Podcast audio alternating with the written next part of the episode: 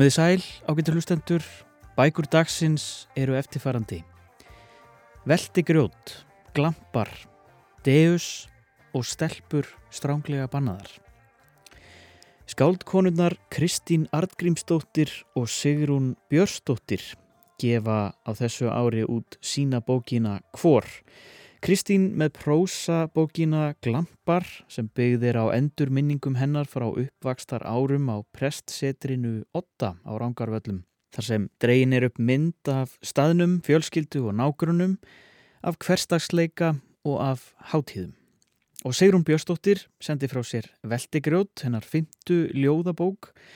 Í þessum ljóðum fléttar hún saman ljóðabálki sem spratt upp úr fylgisæðlum með livjum og eru nokkurs konar særingar við önnuljóð og hugleðingar um steina, lífsháska, ástina og glemskuna. Og svo er það Guðinn í tölfunni. Sigriður Hagalín Björstóttir hefur verið mjög hugsi yfir þróun gerfigreindar og sambandi gerfigreindarinnar við okkur mannfólkið er gerfigreindin að breyta hugsun okkar. Í nýjustu skaldsögu Sigriðar Deus segir frá venjulegu fólki í ekki svo fjarlægri framtíð eða bjöguðum samtíma og það er fléttast saman í gegnum gerfigrindina, í gegnum tungumálið og ljóðin. Sögurnar fjalla um fegurðina, trú, von og algoritma, geta tölvurnar veitt okkur sáluhjálp og hvert stefnir öll þessi tækni. Þetta er aðkallandi bók, tímabær og pökkuð af vangaveltum þótt stutt sé. Sigriður Hagelin kemur til okkar í lokþáttar og segir okkur betur frá. Ég heiti Jóhannes og þetta eru bara bækur.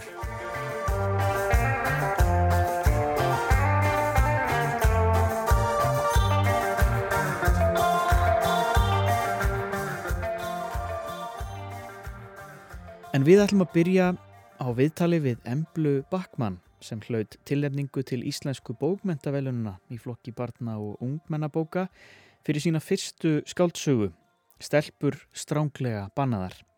Embla sem er 17 ára er yngsta manneskjan til að hljóta þessa viðkenningu. Anna-Maria Björstóttir settist niður með Emblu og spurði hana út í þessa velhefnuðu spútnik frumraun.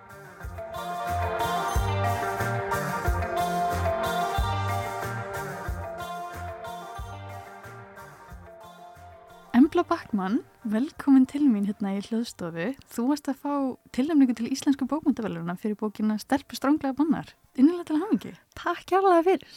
Takk fyrir að fá mig. Gána að fá þig. Getur þú sagt mér eitthvað svona aðeins frá bókinni, svona réttilega byrja með? Hefði já, uh, þetta er svona, svona barna- og úlingabók fyrir kannski miðsteg og upp úr og bókin fjallar um stelpu sem grunar að mamma sín sé ólétt eða eitthvað systrumömmu sinnar, hann einhverju fjölskyldunni á mögulega vona barni og henni líst ekkit allt og vel á það. Þannig að hún í fyrsta lægi um, fyrir að njóstna til hann að komast að því hvort það sé satt.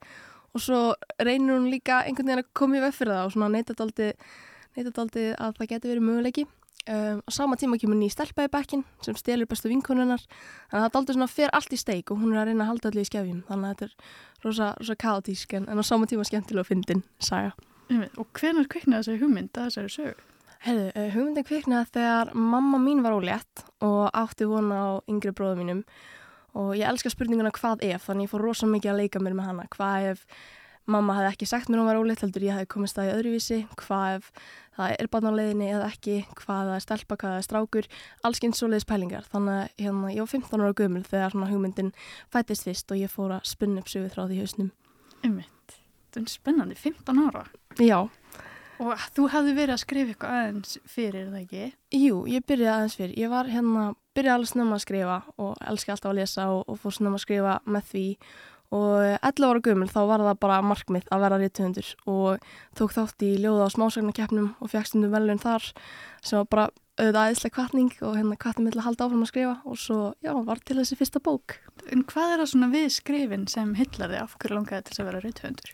Sko, um, ég held að sé kannski bara í fyrsta lagi það að fá að búa til einhvern öðruvísi heim, einhvern hliðarheim og, og bara skapa eitthvað glænýtt og, og það er ynga reglur. Það er alltaf það sem heila mig mest, að ég má bara gera það sem ég vil og þetta er svo frjálst form að hérna, já, ég fæ bara að skrifa það sem ég vil, um það sem ég vil bý til heiminn og personinnar og hérna, já, maður getur alltaf fundið eitthvað nýtt og spennandi til að vinna með. Ég held að það sé það sem heilir mér mest. Mm Og þú ert 17 ára í dag, Já. 15 ára þegar þú byrjar að skrifa. Já. Og það, eða sagt, þessa sögu, Mhm. þú ert yngsta mannskan sem hefur hlotið tilhefningu til Íslensku bókmyndaveluna. Já, Hvernig er það? Finnst þið ekki svolítið stór? það er styrla, sko. Ég hérna, þetta er náttúrulega bara algjör heiður og kom skemmtilega óvart og eins og ég segi bara algjör kvartning, alla svona viðkenningar og, og sérstaklega einhver svona stór er náttúrulega bara, já, frábær kvartning fyrir mig að að halda áfram og gera eitthvað ennþá starra og meira og betra. Um, þannig að jú, þetta er bara, eins og ég segi, ég er ennþá að, að reyna átt að má þessu, sko. En svona að skrifa bókina, þú varst 15 ára og ert af svona 16-17 að skrifa Mm og ert ávantilega að byrja í mentaskóla. Já. Hvernig finnst þér að vera að skrifa með frá því að vera í skóla og sérstaklega á þessum tíma þegar svona krefjandi að vera í námi og Mm. Herri sko, ég hérna, einmitt, byrja að skrifa söguna 15 ára í tíundabæk í grunnskóla og það var svona smá COVID inn í því, þannig að það var allt miklu róleira. Þannig að hérna, ég fekk allt í hennu miklu meiri frítíma en ég var vun, ég æði tvær íþróttir og var á fulli í námið þannig að þegar COVID kom þá var allt aldrei sett á pásu. Þannig að hérna, ég nýtti aldrei þannig mikla frítíma sem ég fekk þá í að skrifa. Um, þannig að það var, það var ekkit allt of erfitt, ég náði að balansa ágætlega þá en, hérna, en nú er ég að skrifa sögur nummer tvö og það er miklu erfiðar ég get alveg sagt það, þá er ég komin á annað ár í Vestló sem er enginn djókur og hérna og á sama tíma að skrifa þessa sögu. Þetta er, já, þetta er allt annar balans núna og miklu meira krefjandi en einhvern veginn er það líka eiginlega skemmtilegra það er meira áskurinn, þannig að ég hef, vilja, minnst, hef meira gaman að því Einmitt. og þú gefur út hjá bókabitunni Já, það- betur þetta var sem sagt, fyrsta sem þú vinnur með þá væntalega rítstjóra og svoleiðis, Mhm. hvernig fannst þið það að vinna með forlegi og fá endurgjöf og svoleiðis? það var heldur bara það erfiðasta sem ég hef gert en á sama tíma það skemmtilegasta Mm. þetta var sjúklega krefjandi á köflum og hérna þú veist, ég held ég væri bara með hann tilbúna sögum. Ég fannst hann bara geggi og langaði bara strax að koma inn í bók og prenta form og gefa öllum. Það var ekki alveg staðan, það þurfti vissilega að vinna hann aðeins og ég er bara endalust þakklátt fyrir reitstýringuna sem ég fekk frá hérna Mörtu og Birgitu og bara útgáfinni og hérna þær í rauninni bara kendu mér að skrifa sko, þetta mótaði máli rosalega og hérna já, þetta var eins og ég segi rosalega lærdomsríkt og brjálæðislega skemmtilegt ég bara get ekki beðið eftir að gera þetta aftur Einmitt. og ert að gefa út næstu hjá bókabitunni ertu bara að skrifa Já, ég hérna reikna með því að vera bráfum hjá þeim. Mér líður mjög vel þannig og þær halda rosa vel utanum mig og allt fólki þannig er aðeinslegt. Þannig hérna, já, ég er bara absolutt ætla að vera þar áfram eins lengi og, og þær þóla mig. en hérna, þú sagðir að þú sagðir hvernig fannst þið síðan að segja fólki að hefðu skrifa bók og Mm. leifa öðru fólki að lesa hana Já, hefur sko, um, það vissi flestir að því að ég væri að skrifa, einhver svona ljóð og, og smásur. Um, en einmitt, ég var ekkert mikið að tala um að ég væri að skrifa bók um, og senda hana á útgáfur og eitthvað svoleiðis. Um, þannig að þegar ég sagði sem um pappa frá því þá að komum svona eiginlega skuggalega lítið og óvart. Ég er alltaf einhvern veginn, ég er rosa kvatvís, þannig ég eiginlega sendi bara alltaf, ef ég sé orðið umsóknarfrestur þá verði ég að taka þátt saman hvort að það eigi ekkert við mig. Um, þannig að hérna, já, ég er rosa duglega að taka þátt í ýmsum verkefnum og þetta var vissulega aðeins starra en kannski flestara en hérna, já eins og ég segi, mamma og pappi voru ekkert, þetta kom þeim ekkert alltaf mikið óvart en þau voru mjög stolt og mjög, mjög ánægð. Einmitt, fannst þér ekkert erfitt að leifa öðrum að lesa bókina svona persónulegt Jú, alveg smá, kannski svona fyrst en hérna, en svo er ég svo brjálaslega stolt af þessari sögu og hérna og leiðsögnin sem ég fekk var það frábæra. Ég, eins og segi, er svo stolt af þessu og mér langar svo að allir lesi. Þannig að hérna, þetta einhvern veginn bara færðist úr, úr stressi í bara algjör á spennu og hérna bara alltaf spennt að heyra hvað fólki finnst. Saman hvort það sé jákvæmt eða neikvæmt ég bara er þakklátt fyrir fólki sem gefur sér tíman í að lesa. Og þetta er bók fyrir ungmenni? Já, ég myndi segja svona tíu ára upp úr en Mhm. það hafa alveg átt ára verið að lesa og haft gaman að þannig að það er bara mikið eftir þroska en hérna en allir sem hafa áhuga á einhverju skemmtilegu og spennandi mig alveg lesa sko fullotnir hafa bara gott að það líka einmitt, ég ætla að spyrja kannski að þú lest væntalega bækur sem eru fyrir þinn aldursóp og öruglega eins Mhm. upp úr en svona finnur um unaði þegar höfundurinn sjálfur er í yngri kantinum með aðeins eldri eða svona Mm. hvernig finnst þér að vera unga skrifa fyrir unga Já, sko, mér finnst það æðislega skemmtilegt og að fá að hitta krakka og, og lesa fyrir þau er alltaf já gaman. Og hérna, ég held að tengja ágætlega við mig. Það er náttúrulega ekki langt sen ég var á þeirra aldrei þannig að hérna, við náum oft vel saman oftast. En hérna um, já, það sem ég hef heyrt aðalega kannski bara það að, að lingóið sé kannski svona nær þeim einmitt að þau mm -hmm. að ég nái á, því ágætla sem er kannski að vera fyrir þá sem er aldri um, en Vist, ég les alveg bækur, úlingabækur eftir, eftir mjög fullorði fólk sko og það tröflaði mig oftast ekki en hérna, en ég held að fara mjög mikið eftir. En það er allavega, já, ég er mjög þakklátt fyrir að vera inn í svona nútíma málfari. Og það er það sem ég hef heyrt á svona sínið sér mest. Mm -hmm. Ég man svo vel eftir þegar ég var sjálf að lesa að þá var alltaf orðatildagi gott og vel í staðin fyrir ok á ennsku. Já, já, já. Og ég man ég hugsa alltaf bara að það notur ekki gott og vel sem er 16 ára krakki. Já, nei, algjörlega. Það er einmitt svona hluti sem maður kannski fattar ekki ef maður er hans eldri. Þannig ég er mjög glið að fatta að vera ennþá, ennþá það nálagt krökkum ég aldrei að ég veit svona cirka. En hérna, já, algjörlega. En er eitthvað svona bóðskapur með sögun, er eitthvað sem þú vilt að sitja eftir með þeim sem lesa? Herðu, bara aðalega hún skemmti fólki og hérna komið smá óvart, ég ætla ekki að segja mikið en það er plottvist þannig að hérna þeir sem hafa gaman að plottvistum og spennu og húmor um, vonandi fá þeir þess það sem þeir vilja út úr sögunni. Um, en svo fannst mér endar áhugavert að því að alpersonan er rosa mikið að velta sér upp úr kynun á barninu ef það er barn á leðinni hvort það sé stelpaði strákur.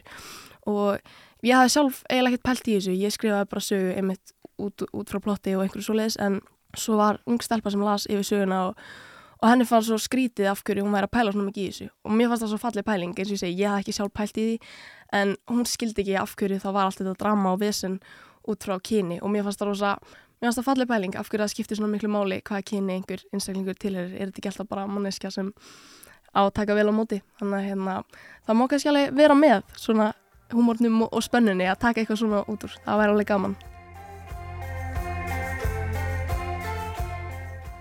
Brot úr viðtali sem Anna-Maria Björstóttir tók við Emblu Bakmann um bókina hennar Stelpur stránglega bannaðar. Embla hlaut fyrir hana tillendingu til íslensku bókmentavelununa. Yngst allra aðeins 17 ára gömul, geri aðrir betur. En viðtalið í heilsinni má finna á rúf.is.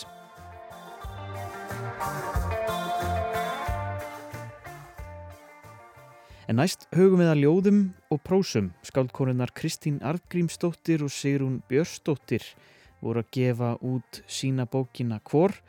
Kristín með prósabókina Glampar sem byggðir á endurminningum hennar frá uppvakstar árum á prestsetrinu 8 á Rángarvöllum. Í þessu smá prósasafni dregur hann upp myndbrott af staðnum, fjölskyldu og nágrunum, af hverstagsleikanum og af hátíðum. Sigrún Björstóttir sendi frá sér ljóðabókina Velti grjót, hennar fymtu ljóðabók. Í þessum ljóðum fléttar hún saman ljóðabálk sem spratt upp úr fylgisæðlum með livjum og eru nokkur skonar særingar við önnu ljóð og hugleðingar um steina, lífsháska, ástina og glemskuna.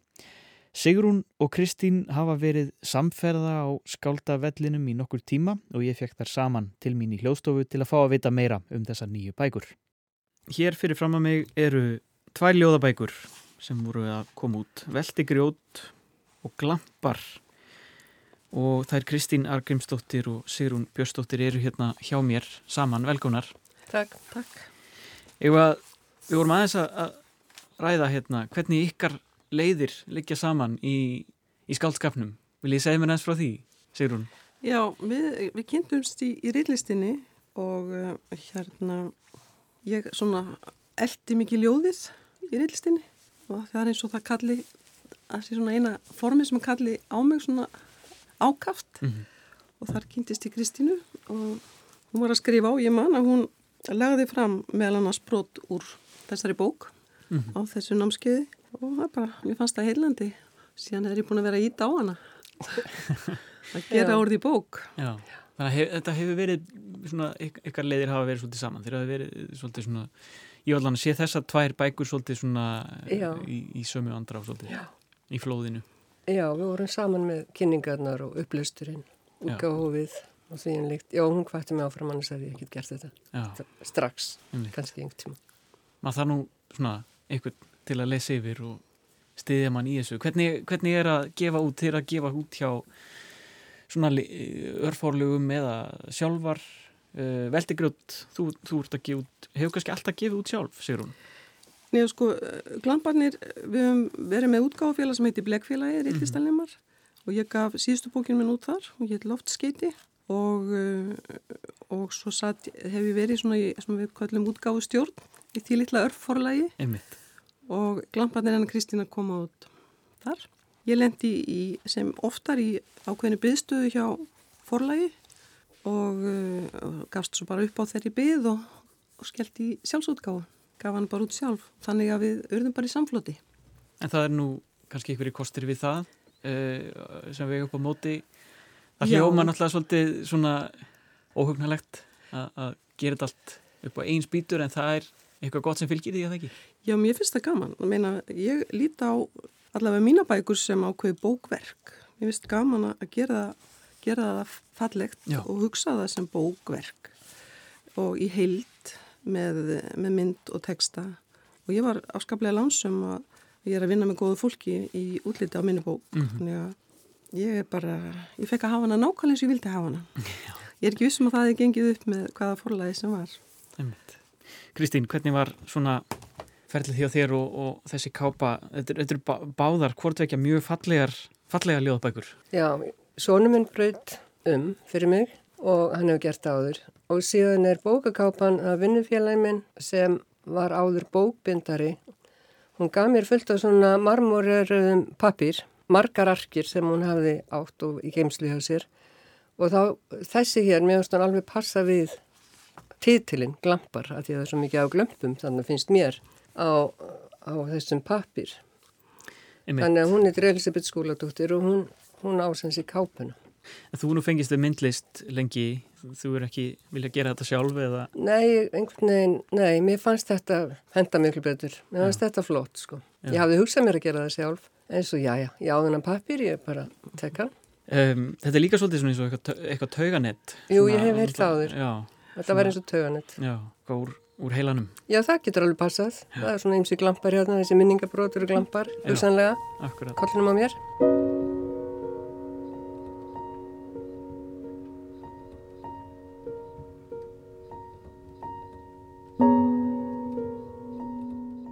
Borstofa. Það ryktir í hjörunum þegar dyrknar opnast inn í borstofu með græn minnstruðu vegfóri. Það er inn er borð með kaffibóllum Nokkru þeirra ennþá með dreggjum af kaffi í botninum. Á miðjuborðinu diskur með pönnukökum. Sólinn skíninu gluggan og það styrnir á agnir af strásigri á hvítum bordugnum. Stólinn við orgelið stendur skáhalt fram á gólfið eins og einhver hafi ítt honum frá sér í flíti. Nóttna eftir er opið á um döðans óvissan tíma. Það er moldalikt í loftinu, skvaldrið, nýþagnað, Gravararnir voru hér. Fyrir ofan orgelið hangir gömul ljósmynd af ungu manni sem horfir beint í augun á mér. Í gleri myndarinnar sé ég sjálfa mig speiklast, glukkan á bakvið mig og brekkuna þar fyrir handan. Svartur hundur stendur í brekkunni og skotrar að mér augunum. Það glampar á þau eins og títiprjónshausa í svörtu höfðinu.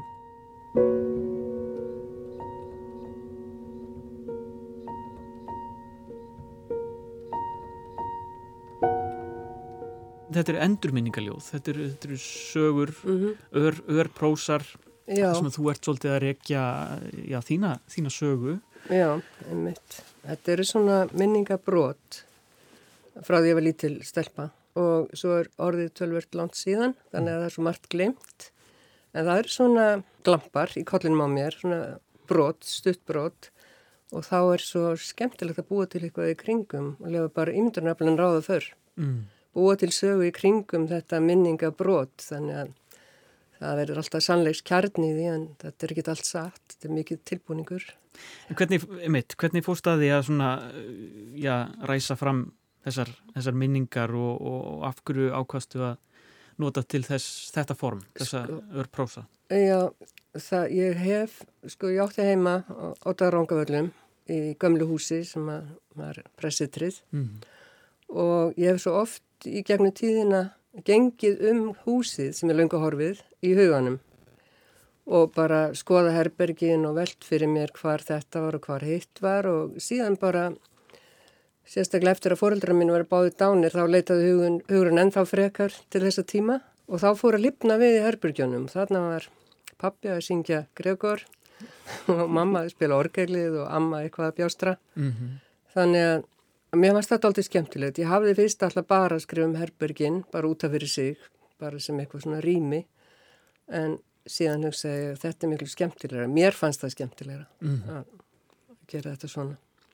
Og ég sagði að, stórhluta er þessi, uh, eru þessir prósar einhvern veginn inni og, og húsi er svona eina af personunum og það, er, það eru svona hljóði, það marrar í, í fjölunum og svona, Mm -hmm.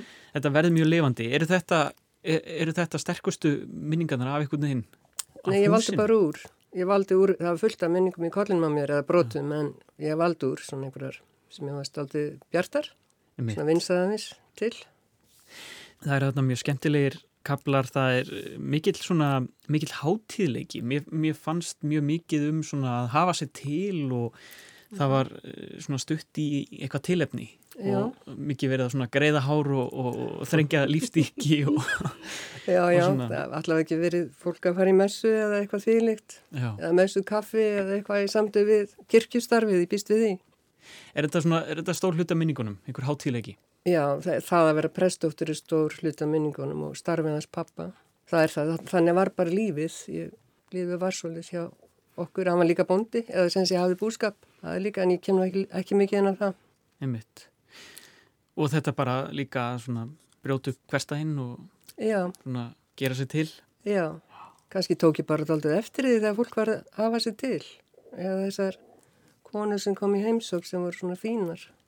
En það er líka svona bara hverstægur í þessu, það er svona rútínan og, og þú tala líka um í einu ljóðinu hérna, var svolítið flott hérna um vasklösin, Já, þrjú vasklös, það eru Mm. þrýr bæir sem eru svona keimlíkir og meir og minna allar húsmaðurnar og húsfreyðunar heita Guðrún og þetta er svona, eh, það er, það er einhver svona taktur í samfélaginu sem Já. svona bindur fólk saman. mhm.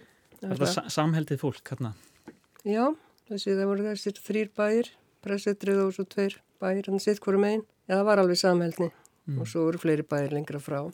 Ég Já. tók aldrei eftir að þenni samhældni. Og svo kirkjan einhvern veginn svona sem Já, bindur þetta allt, bindur þetta allt saman. mhm.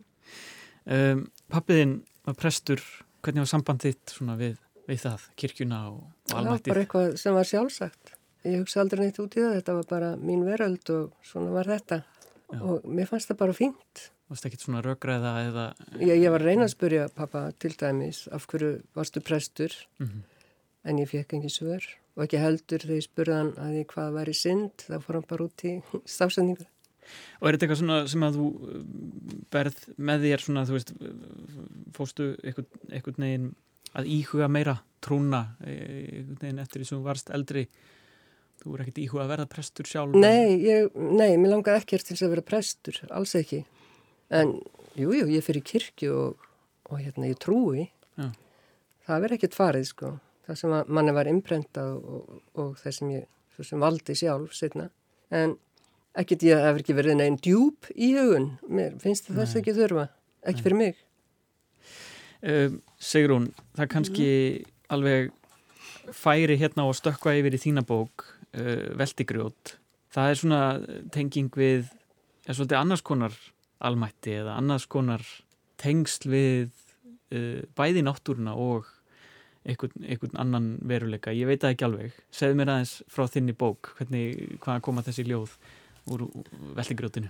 Já, í upphafi var nú svolítið þrískipt sko. Þetta er, veldigrjóti náttúrulega kannski svona metafóra á lífsháskam. Um, það sem mætir okkur og það sem við óttumst Mhm. almennt í lífinu. Og um, fylgisælanir, það er svona ríkjastykkið í þessari bók. Það, heita, það eru ljóð, tólf ljóðabálkur sem heitir fylgisælar. Og ég skrifaði þá alla upp úr lífsælum, eða segja fylgisælum með livjum. Við erum náttúrulega komin á þann aldur hérna sem eru komin yfir sextugt að það er alls konar lif sem að streyma til okkar og þessi fylgisælar með livjónum er náttúrulega alveg surrealísk lesning fyrir okkur flest. Já. Alltaf mikli bálkar. Mikli bálkar með mögulegum aukaverkunum og tíðni aukaverkana og, og svo framvegis og hvernig maður á að skila af sér livjum og, og ef maður gleymi skamti og svo framvegis og svo framvegis og þetta eru svona lífsælar, mér fannst þetta bara, þetta er nýtja texti en hann er ákveðin svona tilvista speil. Þannig að á endanum þegar ég var búin að sökka mér ofan í þessa fylgisæla þá var ég komið svona tólfljóða bálk. Fylgisæl þrjú Finnir þú til eftirtalina einkenna eftir sjár, sektar, skammar. Getur það verið til marg sem milliverkun af brotnum borgum eða ofstórum skamti af myrkri. Öll eru við afleðing af annara ángist sem ákjósanlegt er að losa sig við ef ekki fyrirnist. Ekki gefa hann öðrum, skóla niður, fleia, frista, skilaðu í lokuðu íláti svo ekki berist í börn.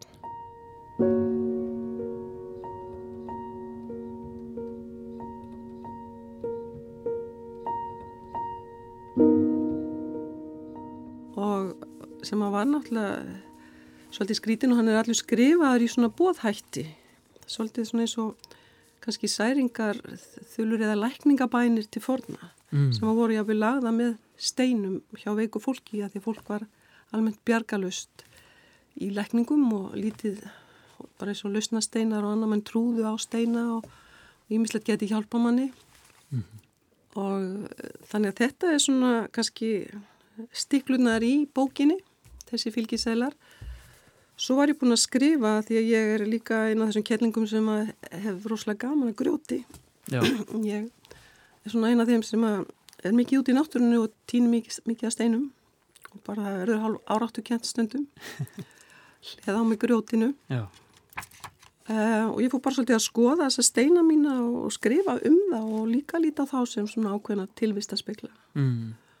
og svo í þriðalagi var ég að pæla mikið í því að mála vatn og að mála með vatni sem ég gerir líka. Mm. ég, og var að skoða til dæmis málverkinast Þorvaldar Skúlasonar úr Ölvisinu þannig að hann er að mála vatn og þá sá ég það líka sem ákveðna myndlíkingu á ástina.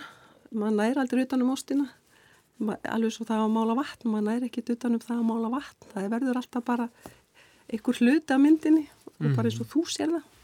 Þannig að svo þurfti ég að koma þessu saman í bók einhverja heild, það er náttúrulega svo mikið grafa í núttímanum að ljóðabók sé konsept helst ljóðsaga mm -hmm.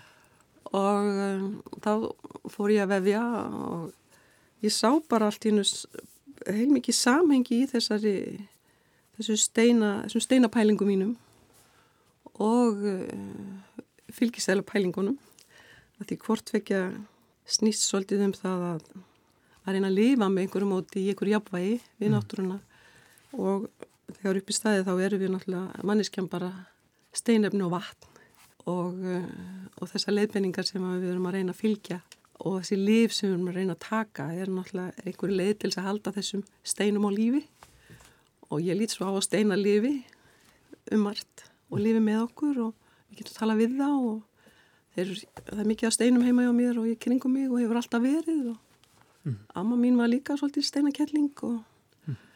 Þannig að ég sá bara allt í hennu heilmikið saman í þessu Já.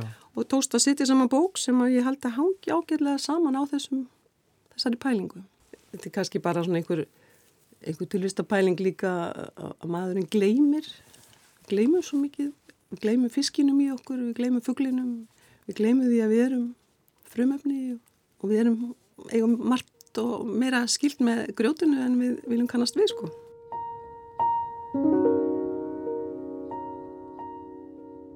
Ettur Í hverju ljóði er kvítærð kona með elsku á orðum tvíraðum vísum. Hún er allsjáandi völva á verki vinslu fyrstu drög. Í ferskeitlu, tersínu, tregaljóði, gamalkonulikt, eirtnasneplar að lengjast, leg sem enn bólnar út á fullu tungli. Fysharðar dætur, dótturdætur og dætur þeirra komast ekki undan að þráhendunni, áráttunni, komast ekki undan kellingu.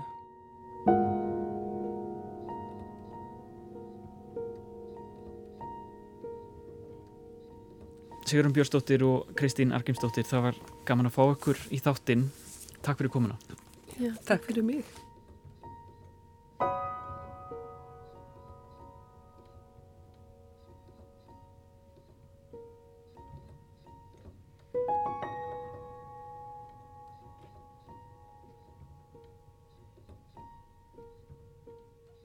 Megir þú lifa áhugaverða tíma, segir fræga kínverska bölvunin. Nýjasta skáldsaga Sigriðar Hagalín Björstóttur hefst á þessum orðum við lifum áhugaverða tíma. Stundum dugir kvorki skáldskapur nýja bladamennska til að lýsa samtímanum. Þessi bók er tilraun til að bregðast við því.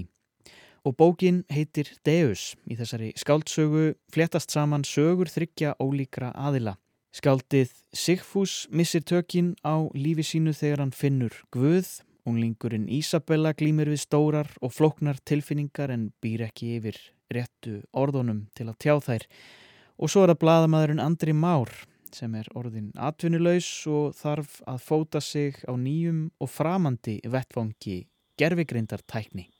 En skaldsagan Deus, eins og Sigriður Haglín komst að orði, er löflétt og þunn bók um Guð, alheiminn og allt. Ég settist niður með Sigriði Hagalín og fekk að vita meira.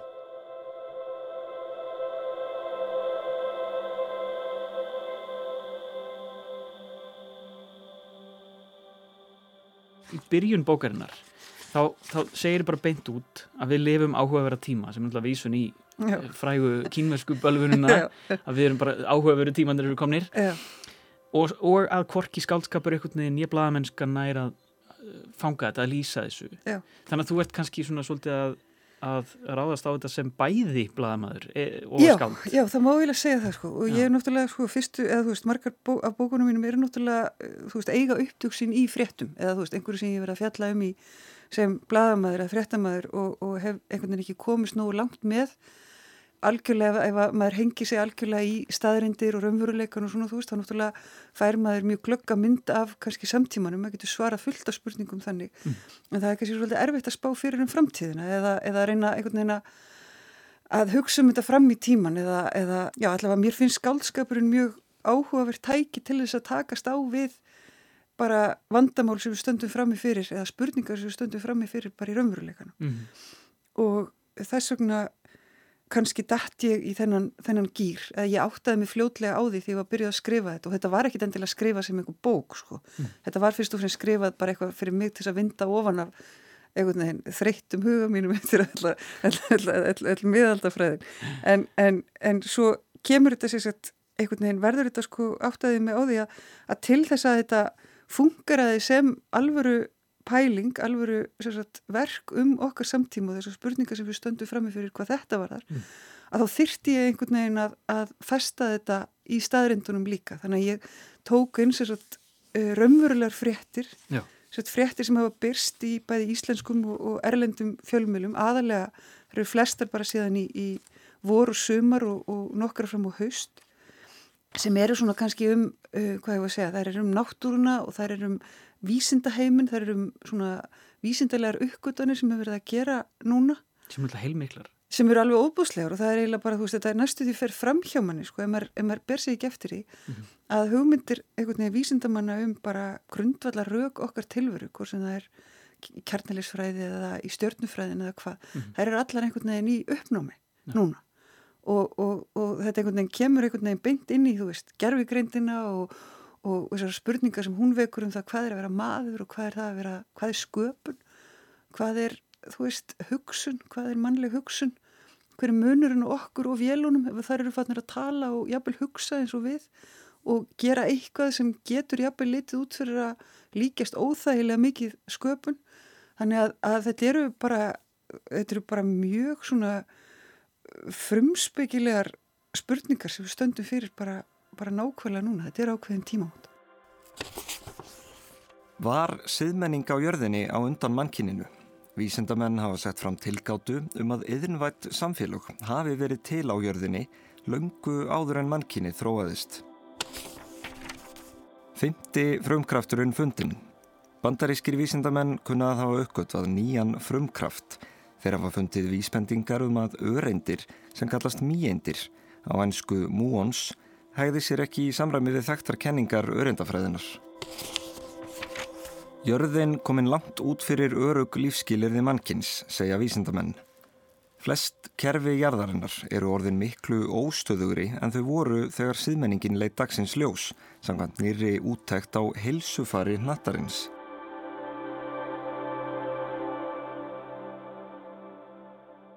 það eru þú veist, raunverulega gerfigreindar forrið núna sem hjálpa til við ráðningar, mm. sagt, við, við mannaráðningar. Og reynda líka að benda á grunaða í sakamálum í bandaríkjónum sko, þannig að þetta er að verða svona pínu óhugulegt, þetta er farið að hafa það mikil áhrif á okkar bara ekki bara, bara okkar, okkar örlegu og vinnumarkanum heldur líka bara í dómskerfunu, réttarkerfunu, það hafa komið upp nokkur þannig mál þannig að, að, veist, að það, er, það er bara alltaf lægi að taka þetta aðeins og, og, og velta þessu upp, getur við sagt Já.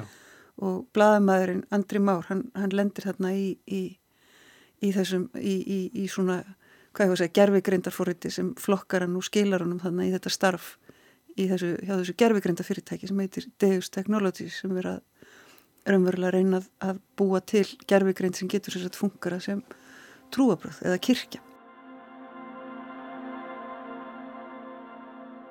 Velkomin kæri Jóp, segi textin á skjánum. Ég er pastor, ég er gerfigrindar líkan skapað af Deus Technologies. Ég er byggt á algoritmunum Deus og hef verið þjálfað með textum og upplýsingum á netinu með sérstakri áherslu á trúalega texta. Tilgangum minn er að veita andlega ráðgjöf og sálusorgun, svara spurningum og veita upplýsingar á trúalegum toga. Bendillinn nefnur staðar og tifar stuttastund. Rétt er að hafa í huga að ég er gerfigrind Ég er ekki raunveruleg persóna og svara korki út frá mannleiri reynsluðinni tilfinningum, sögur mín eru byggð á minnstrum í upplýsingum sem ég hef verið þjálfað á. Bendilinn nefnur aftur staðar. Drottin blessi þig og varviti þig, drottin láti sína ásjónu lýsa yfir þig og sé þér náðugur. Drottin upplifti sínu augliti yfir þig og gefi þér frið. Hvað kvílir á þér í dag? Sigfús hugsa sig um og hefur sína samtalið.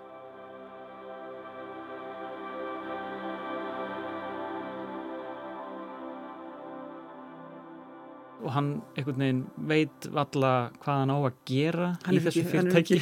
um hann er einhvers konar próvarkalesari og textasmiður en á einhvern veginn að vera að rítstýra gerfigrindinni þannig að þetta verður og hann kemur náttúrulega úr uh, stjætt sem að er þarna já, bara hrunin, já. það er bladamannastjættin og þarna kemur þú náttúrulega þú veist, sem, sem frettamæður einhvern veginn og sér fyrir þér heim það sem að fólk er svolítið búið að vera spá fyrir um að, að, að gerðugreindi muni hrifsa á okkur eitthvað störf og já. þarna er fréttamanna stjettin einhvern veginn bara Já, já, ég meina þú veist og það er náttúrulega fullt af öðrum stjettum það er náttúrulega búið að velta því upp endalust þú veist hvaða störf verði verði úrelt þegar, þegar gerðugreindin er komin og eitthvað aðeins herra stegu og, og getur leist fleiri verkefni bara sómasamlega getur við sagt sko. mm. og það er stundum talað um það allar, allar hérna þóttakonurnar sem hafi mist vinnuna þegar sko þóttavélarnar voru, voru hérna, fundnar upp sko mm -hmm. og, og, og en þú veist mér finnst þetta mjög ólíku saman að jafna þú veist þess að þegar, þegar gerfugrindin er farin að taka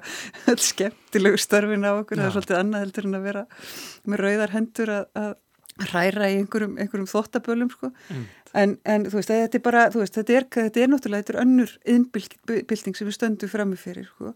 og við höfum einhvern veginn ekkert fengið að hafa um það að segja eða ákveða eða ræða hversu langt við viljum ganga, hvort við viljum að, að gerfugrindin taki það yfir að fara að sjá um stóran hluta þýðinga eða próvorkalestus eða, eða hvort við viljum að hún, að hún teikni fyrir okkur myndir eða yrki fyrir okkur ljóð mm. hvað Eða veit okkur sálihjálp. Eða veit okkur sálihjálp mm. sem hún náttúrulega nú þegar farin að gera. Það eru mörg fyrirtæki í bandaríkjónu sem eru farin að hanna nú þegar svona geð hjálpar gerfigreindar forrið þar sem mm. þú talar við eh, einhvers konar sálfræðing eða einhvers konar forrið sem veitir þér eh, einhvers konar andlegan stuðning og þú veist, er þetta, þú veist, ég meina stund, yfirleitt á vandar kannski geðleikna eða sálfræðinga til þess að, að sinna þessum störfum er þá betra að tölvan gerir það heldur en að fólk ger ekki neitt sko, tala ekki við neitt mm.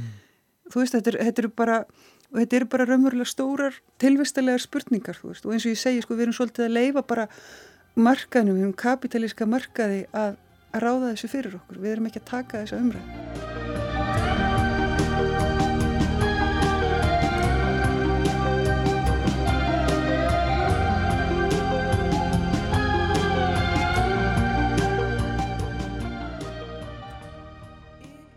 Og þannig eru líka fleiri sögur, það er ekki bara uh, Andri Már, það er eh, líka uh, skáldið Sigfús Helgason sem að svona kemst já, hann fær eitthvað svona, eitthvað vitrun mm, í upphafi sögu. Hann finnur Guð. Hann finnur Guð. Og já, það leiðir hann svolítið eh, svona inn á braut þessar gerfigreindar sem að Deus fyrirtækið er, er að þróa. Um, og svo er líka Isabella sem að er ung stúlka sem að bara er í ekki, ekki góðum málum í sínum félagslegu málum, hún lögði í hróttalegt einhaldi. Já, og er bara einhvern veginn tengsla laus í veröldinni og það sem er kannski verst við það er það að hún sko hefur ekki orðaforða, hún, þetta, er, þetta er klár stelpa og, og fín stelpa en hún hefur ekki orðaforða eða, eða, eða tækin til þess að byllinis að, að takast á við það. Mm -hmm. Hún skilur ekki alveg ljóðin sem að Sigfús... Nei, svo hittur hún Sigfús sko, leiðir þeirra líka saman og hún fer að og hann er eiginlega orðin komin á götuna og, og hún gefur honum að borða. Mm -hmm. umgar sig yfir hann og gefur honum að borða og hann launar henni með ljóðum þýttum ljóðum eftir, eftir aðra.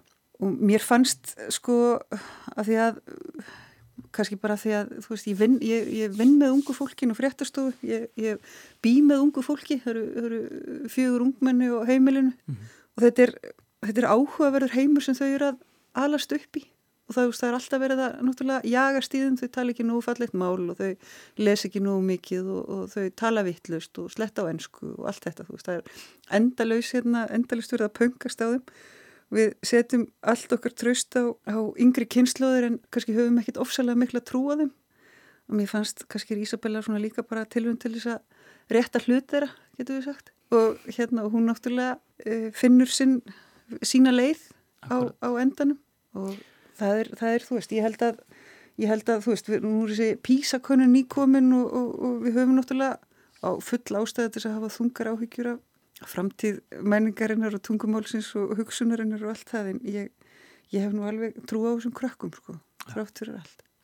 Sko tæknin, tölvuþróunin, þetta er, þetta eru svona stóru fletirnir sem tengja þessa þrjársögur, það er náttúrulega gerfigrindin og margt sem kemur við þessum, svona, þessum tech heimi mm -hmm. sem bara já, er svona pínu stjórnlust skrýmsli mm. og þú nefnir uh, Frankenstein eftir Mary Shelley já. á einu stað já.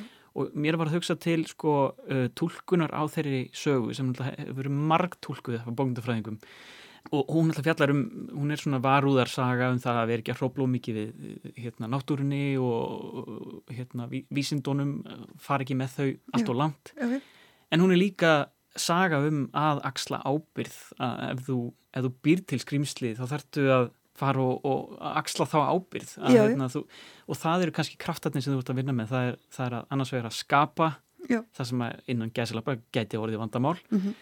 um, og svo kljást við það. Já, og, og það er í rauninni þetta stóra deus apparat sem að Já, já og það er náttúrulega sem, sem sko þessi tækni hvað sem hún sko hvert sem hún leiðir okkur þá krefur hún okkur um svör við því bara hvað er hvað er það að vera manneskja? Mm. hvað er það að vera hugsandi vera? Eh, hvað er það að hafa tilfinningar og, og þurfa tengsl? Þú veist, ef við erum að, að, að búa til tæki sem geta hugsað og, og eiga möguleika á því að verða hugsandi verur, hvernig ölum við þessi tæki upp? Þú veist, að því að vantilega þarf að ala þau upp eins og, eins og aðrar hugsandi verur, það þarf að, að að aga þau og, og, og þykja væntum þau og allt þetta bara eins og, eins og hvað annað sko. mm -hmm. þannig að, að já já, þetta er náttúrulega Frankenstein er, er eitt af kannski svona þemunum sem gengur í gegnum þetta það er e, reytöfundurinn Janet Winterson skrifaði alveg frábæra bók um gerfigrind fyrir nokkrum árum síðan hún er náttúrulega orðin daldið hérna úrælt núna, hún heitir 12 Bites mm -hmm. þetta er svona 12 rítgerðir þetta er ekki sérstaklega ekki skáldskapur, þetta eru reytgerðir um gerfigrind, hún lagðist í það að kynna sér þetta ofsalega vel. Og bara gammal uppáhaldshöfundur minn.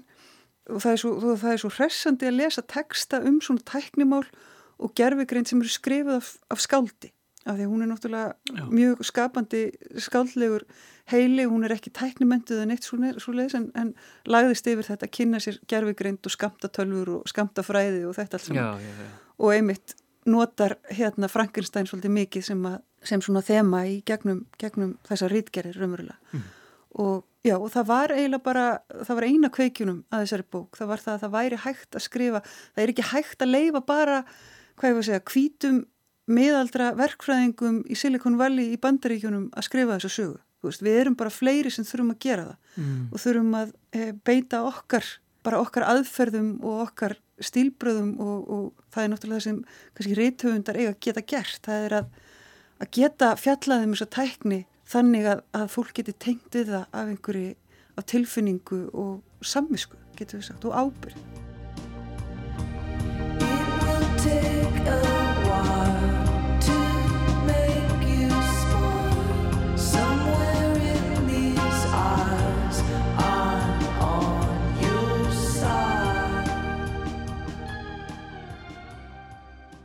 Við náttúrulega erum uh, í dag kannski afurð svona stærri boga náttúrulega bara frá svona upplýsingunni og, svona vísindabildingu mm -hmm.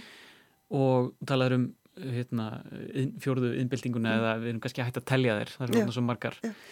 en sko þá er svo freistandi einhvern veginn að spurja þig að því að, að, því að sem svona já, sem reytöfund og sem, sem líka kannski svona það sem þú ert að svona jæðra við eitthvað dystopíu að pæli sko hvað ef möguleikonum er einhver, einhver staður í sögunin þar sem við hefðum bara átt að stoppa og, og pæla aðeins betur í þessu Frankenstein vísinda skrimsli sem við, þú veist, að því við höfum til dæmis að rætt það í tengslu við gerðugrindina að við þurfum að stoppa og, -hmm. og skoða hlutina, moratorium bara. Um, er einhver staðar í, í sögunni sem þú er hugsað bara, við hefum, við hefum að við hefum átt að hugsa hér aðeins betur? Já, ég meina það er það sem er svo fallið, það er ekki hægt. Nei. það er ekki hægt að stoppa svona þrún þú veist, og maður getur alveg ímynda sér, ég meina stærsta byltingin sem, sem kannski hefur orðið fram að þessu var kannski e, prentbyltingin, þú veist, þegar við byrjum að, að prenta bækur, það er náttúrulega, þú veist, og þar á enda þegar við byrjum að skrifa þetta niður, þú veist, ég meina strax, þú veist Sókrates varar við því og Platón varar við því, þú veist, bara fyrir glungu fyrir Krista að það sé ekki dægilega sniðut að fara að skrifa hlutuna niður þetta breytir svo miklu, þetta breytir hugsunin, þetta breytir hvernig hugar okkar virka. Ég meina það er veist, það, er, það, er, það er svona fyrsta dæmið það, það hefur verið reynd að stoppa eitthvað svona af sko. ég meina þú veist, prentbildingin sem síðan veist, getur af sér ótrúlegustu hluti, meina þjóðríkið og, og líðræðið og, Bildingu í trú. Byltingi trú og bara, þú veist, algjörlega bara umbyltir heimsmyndinni. Já. og þú veist, og það er umverulega kannski sá menningarheimur sem við einhvern veginn erum kannski að brjótast út úr núna með þessari nýju tækni, þú veist, en, en hefðum við, núna þar sem við stöndum í dag, hefðum við viljað stoppa af brentbyltinguna á sínum tíma, þú veist, ég held ekki, þú veist, og ég held að við séum fullkomlega ófærum það þar sem við stöndum hér og nú í dag að e, leggja eitthvað mat á það hvort að svo framtíð sem er að verða til núna hvort að hún sé af hennu góða eða ekki. Ég meina mm. meðaldamaður sem hefði staðið, þú veist, einhver tíman á, á 15. öld og horfið á okkar samfélagi í dag, húnum þætti það að vera hræðileg dystopía. Þannig að hérna við erum raunverulega ekki sko dómbær á neitt nema bara nákvæmlega okkar samtíð akkurat núna. Mm. Ég held að það sé ekki að þetta stoppa þessa þróun og gerðugreindinni. Ég held að það sé fullkomlega ég held, þú veist, það er bara ekki eðli mannsins að láta staðan um því, ég meina, þú veist, hefðu ótt að hætta að fykta með eld hann einhvern tíman, þú veist, á, á, mm -hmm. þú veist það, hefði, það er kannski fyrsta byltingi sem við hefum betur látið ógjert, sko. Mm -hmm. en, en, en við getum samt sem að reynda að vanda okkur og við getum reynda að hugsa um það sem við erum að gera og við getum tekið þátt í því og, og axlað ábyrð á því og eins og ég segi bara, þú veist, það er bara mjög fámennur hópur ríkra kapitalista í bandaríkjunum núna sem er að ákveða raunverulega framtíð þessara tækni og hvaða áhrif hún hefur á okkar daglega líf og það er náttúrulega eitthvað sem er ekki alveg nú gott. Mm. Og það er það sem, einmitt, vart að tala um að þau eru pínir svona líðræðis væða þessa umræðu. Hva, hvað við eigum að gera við hlutina þegar þeir eru komnið svona langt að við, við erum ekkert að fara að stoppa það en við þurfum að vita svona nokkurnu einn hvert við stefnum og, og hvernig við eigum að halda á svona spilunum. Ég vil allavega megum ekki vera hrættum að hrætt við að, að hugsa um það og tala um það mm -hmm. og, og, og dreymum það líka þú veist, þetta er ekki bara einhver dystopía, þetta er líka náttúrulega þú veist, býður upp á, á alls konar stórkostlega hluti líka mm -hmm. en, en, en eins og ég segi, það skiptir máli hver það er sem ákveður hvernig þessi þróun verður Sigriður Hælin Björnstóttir, ég held að sko Uh, þessar stóru spurningar uh, munu halda áfram í hugum lesenda. Takk hjálpa fyrir komina, við munum bara halda áfram það kemur kannski bara önnur annað viðbræð þegar næsta skref í þessari þróun verður, sjáum hvað gerist. Allavega uh, gangið vel og takk fyrir að koma. Takk fyrir mig